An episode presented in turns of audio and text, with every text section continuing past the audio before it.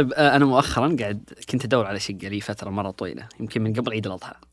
وتوني الآن لقيت يعني بسبب أشياء مرة كثيرة تأخرت. مبارك يوم دخل الله يبارك فيك. يوم دخلت وقررت إني أغير الفرش اللي موجود أو الموكيت كلمت كذا مكان و... أو يعني محل وجاني.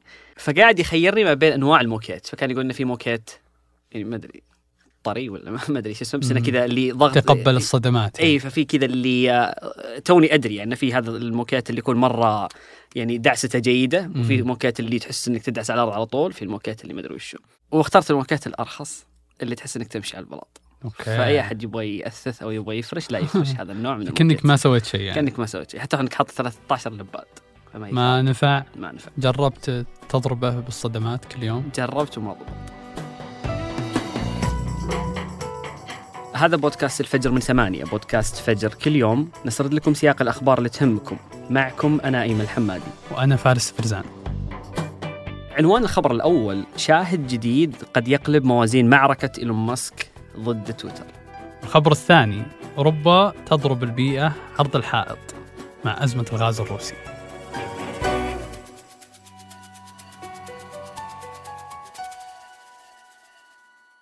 تدري سالفة إيلون ماسك وتويتر إلى الآن ما خلصت؟ ليه؟ بجيك بالسبب. لكن اللي معطل القضية الآن أو اللي موقف ال- ال- المجريات القضية إلى الآن هو أن القاضية كاثلين مكورمك اللي ماسكة القضية انشبت لماسك ورفضت محاولاته أنه يأجل موعد المحاكمة لنوفمبر بدل أكتوبر. ليه؟ لأن وده يضيف شاهد لصفه. الشاهد هو موظف سابق بتويتر. يعتقد ماسك ان شهادته بتغير مسار القضية بالكامل وبتفكه من تبعات خسارة القضية، إما إنه يدفع مليار دولار اللي هو قيمة الشرط الجزائي، أو إنه يشتري المنصة بالقيمة اللي اتفقوا عليها اللي هي 44 مليار دولار. okay طبعا القاضية قالت له تقدر تضيف الشاهد بدون ما تعطل شيء. الحركات ذي مو. وعشان نفهم سالفة الشاهد ذا وأهميته وآخر تطورات تويتر وإيلون ماسك بنحتاج نرجع خمسة شهور لورا. بقول لك بالضبط وش اللي صار؟ ليش قرر إيلون ماسك ينسحب أصلا؟ وين وصلنا اليوم؟ ومين الشاهد هذا وش أهميته في المعركة القضائية؟ قبل أكثر من خمسة شهور وفي تاريخ 24 أبريل تقدم إيلون ماسك بطلب رسمي إنه يشتري تويتر مقابل 54.20 دولار للسهم. والسبب اللي دفعه لشراء تويتر هو إنه وده يحسن المنصة ويحد من الرقابة فيها ويسمح بحريات أكبر. في البداية حست شركة تويتر إن الموضوع مسخرة وإن إيلون قاعد يطقطق. وكانوا مرة منزعجين من ذا الطلب غير المألوف. وعشان كذا طبقوا تكتيك اسمه حبة السم. okay وش التكتيك ذا؟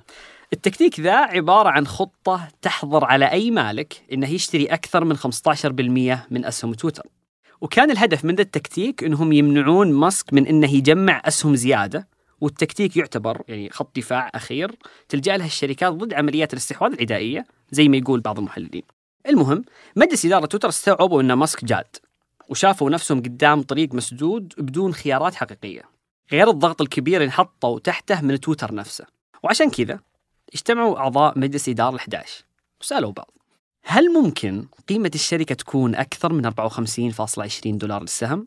هل ممكن أن يجيهم مشتري غير ماسك؟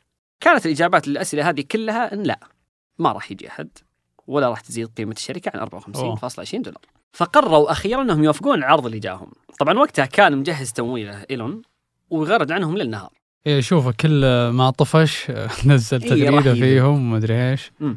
أثناء اتفاقه لشراء تويتر أعلن ماسك أنه باع أسهم في تسلا. توصل قيمة هذه الأسهم إلى 8.5 مليار دولار.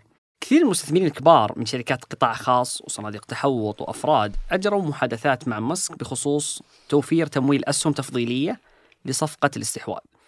من بين المستثمرين لاري إليسون اللي هو الشريك المؤسس لأوراكل كورب وسيكويا كابيتال. وكمان في مستثمرين ثانيين زي قطر القابضة والأمير وليد بن طلال لكن الأمير كان رافض في البداية عرض ماسك لكنه وافق بعدين إنه يحول حصته في تويتر اللي توصل إلى 1.89 مليار دولار لتمويل الصفقة بدل ما إنه يبيعها. طبعا الحركة هذه ذكية من ماسك بأنه يدير التمويل بهالطريقة عشان يخفف عنه مخاطر استثماره. يعني الحين اللي فهمته منك وقل لي لو إنه فهمي غلط هو بدل ما إنه يدفع كل المليارات هذه راح خذ ناس ثانيين قالوا "تا- ورا ما تدفعون معي بعدين بالضبط. كلنا نربح صح عليك آه. صح عليك لكن الأمور ما عدت على خير. في يوليو الماضي انسحب إيلون ماسك من الصفقة بعد ما اتهم تويتر إنهم يتقاعسون بتقديم بيانات تخص الحسابات الوهمية على المنصة. طبعا إيلون ماسك كان يهدد بانسحابه من الصفقة إذا تويتر ما أعطته أدلة بين عدد الحسابات الوهمية أقل من 5% من عدد المستخدمين اللي يشوفون الإعلانات في تويتر أوه وقتها محامي ماسك أرسلوا إخطار لتويتر بأن ماسك يمارس حقه بإلغاء الاتفاق والتخلي عن هذه الصفقة. وأرسلوا نسخة ثانية من هذا الإخطار لهيئة البورصات والأوراق المالية الإلكترونية في أمريكا. وقالوا إن شركة تويتر رفضت الاستجابة لطلبات متعددة للحصول على معلومات بشأن الحسابات الوهمية. so مشكلته بس مع الحسابات الوهميه ما هي هذه المشكلة الوحيدة؟ بجيك بالإجابات بعد شوي. رئيس مجلس إدارة تويتر بريت تايلر قال وقتها إن الشركة بتتخذ إجراءات قانونية بهدف إلزام ماسك بإتمام صفقة شراء المنصة. وقال إنهم واثقين بالانتصار وإنهم ملتزمين بإتمام الصفقة بالسعر والشروط اللي اتفقوا عليها مع إيلون. يعني الشركة قاعدة تحاول إنها تجبر ماسك إنه يشتري تويتر بالقوة. وفي أسوأ الأحوال هم راح يأخذون قيمة الشرط الجزائي اللي توصل قيمته لمليار دولار أو أكثر. وهنا بدت المعركة القضائية. طيب يجي هنا سؤال مرة مهم. ليش إيلون ماسك قرر أنه ينسحب أصلا؟ أيوه. عاد هنا تبدأ التكهنات والتحليلات. بعض المحللين يقول إن ماسك ما يبغى يلتزم بعرض الشراء الأصلي بسبب تراجع قيمة سهم تويتر وعنده وجهة نظر صراحة. لأن من يوم أعلن ماسك رغبته بشراء تويتر وأسهمها قاعدة تعاني من وقت للثاني. يعني في يونيو انخفض سعر السهم أكثر من 8% وفي الشهر اللي قبله انخفضت قيمته لأقل من 59 دولار للسهم بسبب تشكيك ماسك بعدد الحسابات المزيفة وتعليقه للصفقة. واللي يضحك إن ماسك صار يدور الفكة من الصفقة بأي طريقة، لدرجة انه برا تراجع عن الصفقة في رسالة كتبها بشهر مايو إنها أصلا مو منطق إني أشتري تويتر والعالم رايح الحرب عالمية ثالثة. فيعني محامي تويتر استغل هذه وما خلى الموضوع بخاطره. فقرأ الرسالة في المحكمة عشان يوريهم إن ماسك يبغى يطلع من الصفقة بأي طريقة، وإن مزاعمه حول الحسابات الوهمية بس حجة.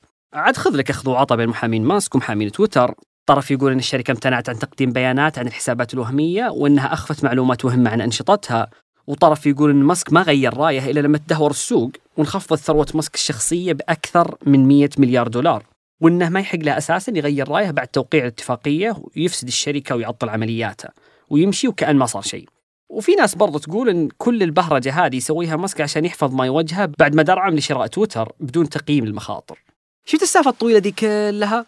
هو كان عشان نفهم أهمية الشاهد اللي يحاول ماسك إنه يأجل المحكمة عشانه. الشاهد ذا هو بيتر زاتكو رئيس الأمن في تويتر قبل ما ينطرد. زاتكو يقول إن في مخالفات مرة كثيرة بتويتر وإن الشركة قدمت صورة خاطئة حول أمن البيانات عندها وسبق أنه قدم للجنة الأوراق المالية في يوليو الماضي شكوى يتهم فيها تويتر بالفشل في حماية بيانات المستخدمين حساسة والكذب بشأن المشاكل الأمنية. طبعا تويتر ينكرون صحة الادعاءات ذي ويقولون إن زاتكو مجرد موظف سابق ساخط على طرده يعني من جماعة اللعبون ولا بخر. وعشان كذا زاتكو ممكن يكون مفيد مرة لماسك إذا أثبت أن تويتر أخفت معلومات مهمة وحساسة. لأن في هالحالة التعاقد نفسه بيكون مبني على تدليس من طرف تويتر ويقدر ماسك أنه يطعن في شرعيته. وهذا اللي مخلي ماسك يتمسك فيه. لكن لسوء حظه القاضية كاثلين مكورمك رفضت طلبه بتأجيل محاكمة لنوفمبر. فالمفترض أنها تبدأ حسب موعدها المقرر في 17 أكتوبر الجاي.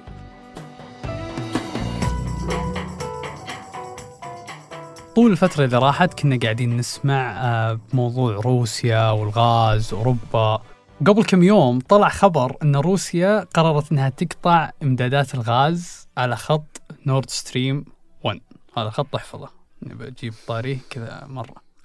وهذا الشيء قطعتهم للإمدادات بيتزامن مع جية الشتاء عند أوروبا. فخلني أقول لك ليه هذا الخبر هام الأوروبيين زي كل العالم يستخدمون الغاز في التدفئة وعمل مصانع وغيرها. فقطع الغاز في فترة حساسة زي هذه بينتج وراه آثار اقتصادية واجتماعية خصوصا لما نحط بعين الاعتبار أن روسيا تغطي 40% من احتياج أوروبا للغاز. ولو ناخذ ألمانيا مثال بحكم كونها أكبر اقتصاد أوروبي فتلقاها تستورد 55% من احتياجاتها للغاز الطبيعي من روسيا. هذا أكبر اقتصاد في أوروبا. فالغاز الروسي هذا معظمه جاي من وين؟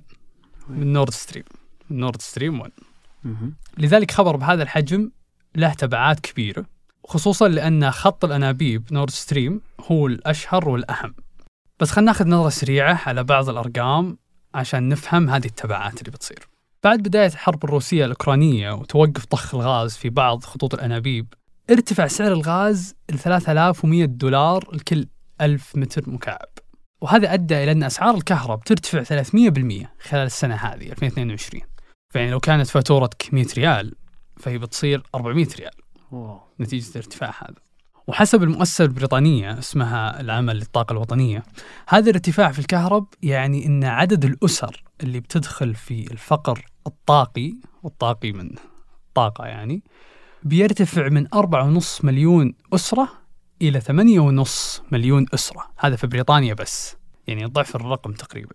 غير أن الكثير من المدن الأوروبية بتعاني من قطاع الكهرب ما بين ساعة ثلاث ساعات في اليوم. ترى إلى الآن ما فهمت ليش روسيا تبغى تقطع الغاز أصلا عن عن أوروبا. اللي يجي في بال أي أحد بشكل مباشر أن روسيا قاعد تستخدمه سلاح ضغط ضد الدول الأوروبية عشان موقفهم من الحرب. هذا نفس الكلام اللي يقولونه الأوروبيين. لكن حسب الادعاء الروسي فهم يقولون منا قاعدين نستخدمه لا سلاح ولا شيء. ويقولون إنه وقفناه عشان في تسريب في خط أنابيب نورد ستريم 1 فلذلك كنا مضطرين نوقف الضخ هذا اللي قالته شركة غاز بروم الروسية لما وقفت الضخ في تاريخ 31 أغسطس بداعي الصيانة. على أساس أنهم بيرجعونه بتاريخ 3 سبتمبر. لكن لما جاء الموعد أعلنت الشركة أنهم بيوقفون الضخ لأجل غير مسمى. بحجة أن العقوبات الأوروبية على روسيا تمنعها من تأمين صيانة البنية التحتية لخط الأنابيب. فبعدها زادت احتجاجات الأوروبيين واتهموا الشركة وروسيا بأنهم قاعدين يكذبون. فانشرت الشركة صورة الخلل اللي تسبب بتسريب الغاز وقالت انه شوفوا هذا هو موجود داخل الأنبوب. لكن للحين ما حد مصدقهم. يعني ما يلامون على إنه ليه توقف الغاز علي؟ بس مع كل هذه الأزمة والتأخيرات والمعطلات اللي فيها يجي سؤال هام. كيف بيتعاملون الأوروبيين مع الانقطاع المفاجئ للغاز؟ وكيف تقدر الدول إنها بتتجنب عواقب توقف نورد ستريم قبل الشتاء؟ تدري إن الشتاء هذا متوقعين إنه يكون أصعب فصل شتاء من الحرب العالمية الثانية. على أوروبا ولا علينا بعد؟ على أوروبا. والجواب لكل السؤالين هو عن طريق التخزين وأعني تخزين الغاز. بشكل عام الدول هذه مي بمعانية أصلا من قطع الغاز لأن حسب كلام المفوضية الأوروبية قبل كم يوم نسبة تخزين الغاز في دول الاتحاد الأوروبي وصل أكثر من 80% وهذا رقم مرة ممتاز. والخبراء والمحللين العالميين يقولون أن المخزونات هذه غير كافية لحل أزمة الطاقة اللي بتصير عندهم. بس الأوروبيين يقولون إنها نسب مرضية وتحقق الهدف لمواجهة الشتاء. وبعض الدول جالسين يحاولون يدبرون حلول عملية أكثر. فألمانيا مثلا أعلن أنهم بيشترون خمس محطات عائمة لاستيراد الغاز الطبيعي. إيش يعني عايمه؟ ممتاز. الفكرة الحين عشان ما يصيرون محتدين على أنبوب فألمانيا تقدر تستورد الغاز من قطر وأمريكا من خلال المحطات هذه. في دول ثانية مثل إسبانيا وإيطاليا تحاول أنها تستورد الغاز من الجزائر حتى يواجهون هذه الأزمة. ومع هذه الأزمة الجزائر صارت عاشر أكبر منتج للغاز في العالم. وأعلنت عن استعدادها لزيادة صادرات الغاز الطبيعي لأوروبا وهذا خلاها تصعد المركز الرابع في قائمة مصدري الغاز لأوروبا. كلامي قبل شوي كان عن دول أوروبا الغربية بس دول شرق أوروبا موضوعها مختلف فنسب التخزين عندهم منخفض وبتعاني كثيرا بسبة قطع الإمدادات. حسب توقعات صندوق النقد الدولي فالناتج الداخلي لدول أوروبا الشرقية بيتراجع ونمو اقتصادها كذلك بتراجع هذا المأزق اللي شافت الدول الأوروبية نفسها فيه خلتها تتغاضى عن مسألة البيئة والطاقة النظيفة. ورجعت تستخدم مصادر الطاقة الملوثة للبيئة زي الفحم. فألمانيا اتخذت إجراءات طارئة ورجعت تستخدم الفحم في توليد الطاقة. والنمسا أعلنت أنها بتعيد تشغيل محطة طاقة تشتغل بالفحم الحجري. حتى في بولندا الناس راحوا واجتمعوا على مناجم الفحم عشان يشترونه ويخزنونه لمواجهة هذه الأزمة. الحين لهم مدري كم سنة شغلونا بالبيئة وزحمة وبالنهاية راحوا يجيبون فحم صخري وحالة. صعب والله. طيب قبل ننهي الحلقة بقول لك خبر مهم صار في مثل هذا اليوم قبل 21 سنة.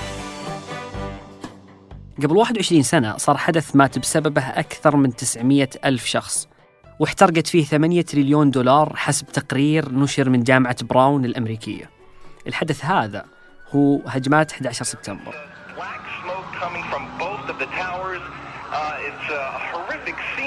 um, يوم هاجمت القاعدة أمريكا وأسقطت برجي التجارة في نيويورك.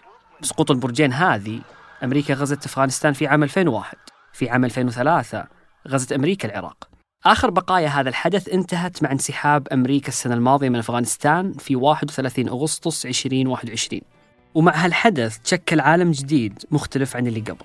في وصف الحلقة تقرير يفصل خسائر 11 سبتمبر على العالم سوته جامعة براون الأمريكية.